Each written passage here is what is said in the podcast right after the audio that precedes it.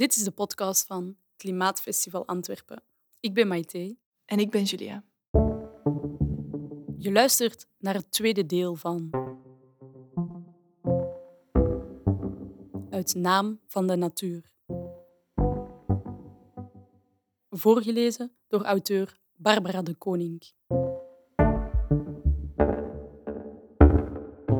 Als je het eerste deel nog niet beluisterd hebt, raden we je aan om dat te doen.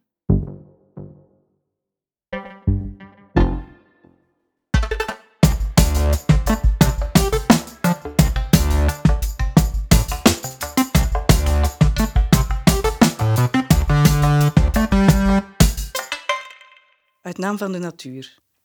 Deel 2. Een weg uit het tekort.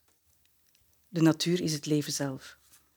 Van het beleid verwachten we garanties voor een toekomst in veiligheid. Duurzame bescherming van ons landgebruik, onze gezondheid, onze voedselveiligheid, onze welvaart en mobiliteit. Politieke, sociale, economische en juridische kaders die werken. Investeringen in natuur en technologie. Visie, solidariteit, snelheid, solide, integrale, geruststellende oplossingen. En dat alles bij voorkeur zo realistisch, goedkoop en pijnloos mogelijk. En toch, de politiek loopt mank, zonder het vertrouwen van de burger en zonder draagvlak. In een gezamenlijke bijdrage in de Standaard merken Manu Klaas en Luc Huizen op dat politici de uitdaging niet alleen aankunnen. De groei van het draagvlak in het klimaatdebat zal van onderuit moeten komen, van de burgers. Als we verandering willen, moeten we tonen dat we er klaar voor zijn. Pas dan zal wie verkozen is volgen. De burgermaatschappij bepaalt nu eenmaal de koers. Ministers en parlementsleden het tempo. Ook daarom kunnen onze politici niet op eigen kracht tot een duurzaam klimaatbeleid komen. Wat het klimaatbeleid nodig heeft, is meer politisering van de burgers, in de zin van mobilisatie en zelforganisatie.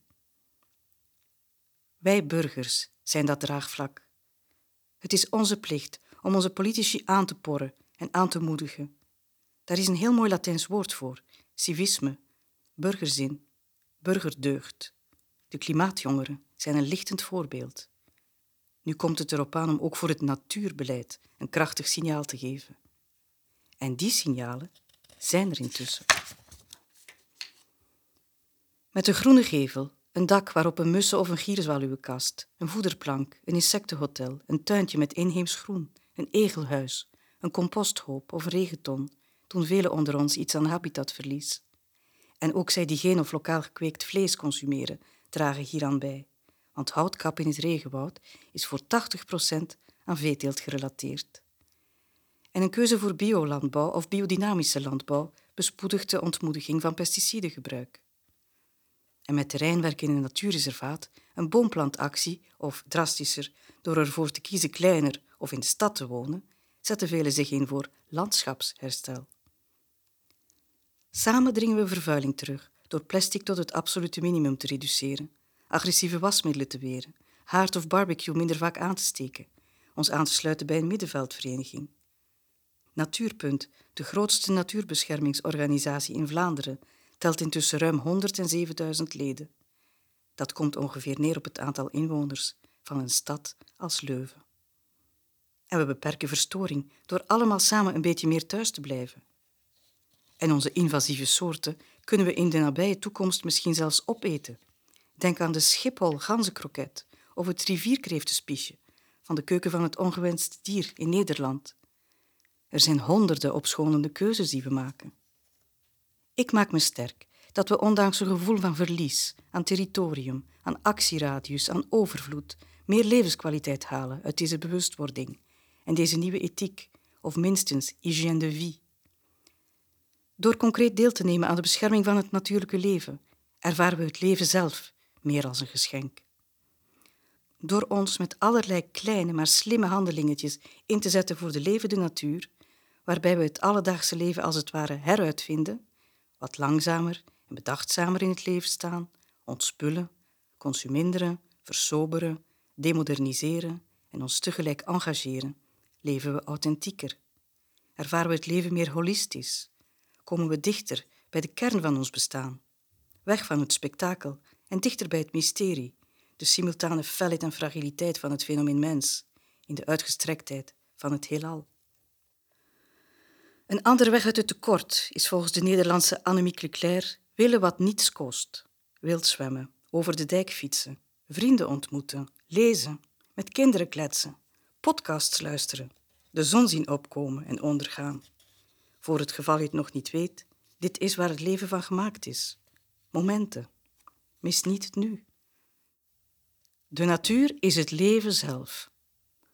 Opkomen voor de biodiversiteit en voor natuurherstel vooronderstelt een nieuwe houding tegenover dier en plant, een nieuwe alliantie met de biosfeer. Het afleggen van het kleed van superioriteit tegenover de wilde natuur en het preculturele. De mens is niet het eindpunt van natuur en cultuur. In plaats daarvan solidariteit met de natuur. Aandacht en ontzag voor andere levensvormen, voor andere manieren van bewoning van de aarde, voor andere manieren van zijn. In de Camille Stories Children of Compost schetst de Amerikaanse feministische sociologe Donna Haraway een prikkelend beeld van wat een dergelijke solidariteit dan wel zou kunnen zijn: een bloeiende multispecies toekomst. Haar stories zijn een geëngageerd narratief van bloei en overvloed, ondanks een setting van rampzalige vernieling en verarming. Haar verhalen lezen als een bizarre fabel die zich afspeelt in de periode tussen 2025 en 2425 en die eindigt in een situatie waarbij de wereldpopulatie van gewone en hybride menselijke wezens geslonken is van 10 tot 3 miljard bewoners. En zij vertelt het zo.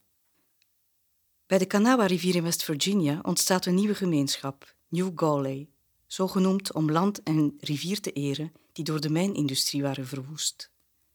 Een experimentele nederzetting van mensen op de vlucht voor natuurverlies, klimaatverandering, sociale desintegratie, overbevolking, oorlog en migratie, op zoek naar alternatieve manieren van leven in zorgzame en intieme symbiose met de natuur.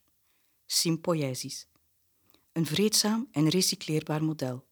De Community of Compost. Kernwaarden van de compostisten zijn vriendschap, vreugde, gastvrijheid, herdenking en spel. En veel aandacht wordt besteed aan het vertellen van verhalen, aan kunst en aan wetenschap. In het bijzonder de Ico, Ivo, Divo, Histo, Ethno, Techno, Psychostudies. Kinderen, Children of Compost, zijn een zeldzaam en kostbaar goed en het krijgen van kinderen is een sterk gestructureerde collectieve beslissing. Elk kind heeft minimaal drie ouders. Het kan naar keuze ofwel als klassiek mensenkind geboren worden, of het wordt opgeladen met een dierlijke symbiont. Het wordt genetisch aangevuld met een aantal cellen, moleculen en micro-organismes van een vrijelijk gekozen dier. Bij voorkeur een kwetsbare soort en een lange afstandsmigrant. Met dit dier heeft het siemkind een geprivilegeerde band. Het draagt het hele ecosysteem dat zich rond de soort uitstrekt, lichamelijk en mentaal met zich mee. Het wordt zelf een nieuw soort mens-dier in symbiose met een bonte verzameling andere levende wezens. En het siemkind ziet er ook anders uit. Als het bijvoorbeeld de monarchvlinder als totem heeft, krijgt het rupsachtige strepen in zijn jeugd en naderhand een harige huid, glimmende oranje-rode en zwarte vegen, antenna's en de zintuigelijkheid van de vlinder. Het siemkind ziet en ruikt anders, het denkt anders, het handelt anders, het reist anders. Het ervaart en reageert op de wereld als mens en als vlinder. De Camille-stories zijn een griezelige en in zekere zin provocerende utopie. Maar de beeldspraak van Donna Haraway, met de suggestie tot verknoping van de mens met niet-menselijke dieren, spreekt mij persoonlijk sterk aan. Ik vat het op als een uitnodiging om manieren te bedenken om te verbloemen, te vervlinderen, te verdierlijken. Elk afzonderlijk dragen wij de hele biologische geschiedenis van de aarde in ons lichaam. Bij de geboorte van een kind, of vroeger nog, in het aanschijn van de echografie van een nog onvoldragen menselijk leven, staan we daar nog wel eens een keer bij stil en hechten we ons aan dat geheugen. Eén op vier Vlamingen bezoekt anno 2020 nog altijd nooit een bos of een natuurgebied. Er is dus nog werk aan de winkel. Om de bewonderende blik om te buigen van chique stationwagens met off-road techniek naar veldleeuwrikken, uitgedund met 92% sinds 1970. Van computerscherpen en apps naar houtbewonende bladsprietkevers. Laten we het cataract van onze ogen verwijderen. We kunnen echt niet zonder wilde natuur. Alleen al de rampzalige instorting van insectenpopulaties bedreigt onze voedselveiligheid. Meer dan 75 procent van de types voedselgewassen, inclusief fruit en groenten, en enkele van de allerbelangrijkste handelsgewassen, zoals koffie, cacao en amandelen, rekenen op dierlijke bestuiving. Zonder wilde planten en dieren overleven we trouwens in het beste geval zeer eenzaam, in een tijdvat dat Edward Wilson het Erimoceen noemt, het tijdperk van de eenzaamheid. Eigenlijk het tijdperk van de mens, onze gedomesticeerde planten en dieren en onze akkers over de hele wereld, zover het oog reikt. Is het dat wat we willen nalaten aan onze kinderen en kleinkinderen? In zijn eigen woorden veroordeeld tot de vergetelheid op een plastic stoel in een cel waarvan de stalen deuren vergrendeld zijn, schrijft de totaal van de buitenwereld afgezonderde Turkse auteur Ahmet Altan in zijn geschrift Ik zal de wereld nooit meer zien, aantekeningen uit de gevangenis, over wat hem, behalve het schrijverschap, nog op de been houdt en mentaal gezond houdt. Het is de gedachte aan de natuur, een inclusieve natuur, bezongen als een bühne, waar menselijke en niet-menselijke fenomenen naar elkaar toeneigen. Zonnestralen, trekvogels, herfstregens, noordenwind, de Donau, vuurfakkels, sneeuw en mens tegelijk. Het is buitengewoon ontroerend om dit te vernemen van iemand die, behalve van een beperkt zicht op het luchtruim via de kleine binnenplaats overspannen met een stalen kooi, van elke glimp van natuur verstoken is. En Ahmed Altan schrijft: Op zomerochtenden, wanneer de eerste zonnestralen langs de kale tralies naar binnen komen en als stralen de pijlen in mijn kussen schieten, hoor ik het vrolijke chilpen van de trekvogels die een nestje hebben gebouwd onder het afdak van de binnenplaats. En het specifieke gekraak van de lege waterflesjes die de naburige gevangenen pletten.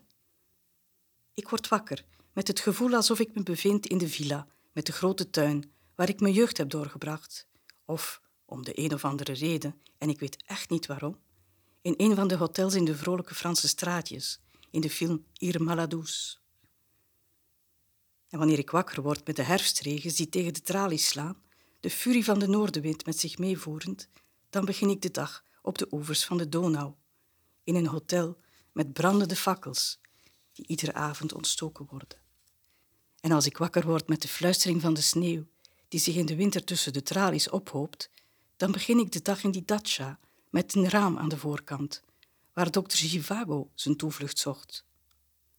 Tot op de dag van vandaag ben ik nooit in de gevangenis wakker geworden. Niet één keer. Vanuit de diepste krochten van een Turkse gevangenis bezingt Ahmed Altan de natuur. In brede strofen, verlangend, liefdevol. De natuur is het leven zelf. De stem van Altan is die van een verre orpheuspotvogel. We horen hem. Luisteren we ook? Van de schoonheid, de kleur, de geur van een roos als die verwelkt is, blijft alleen een woord over. Haar naam.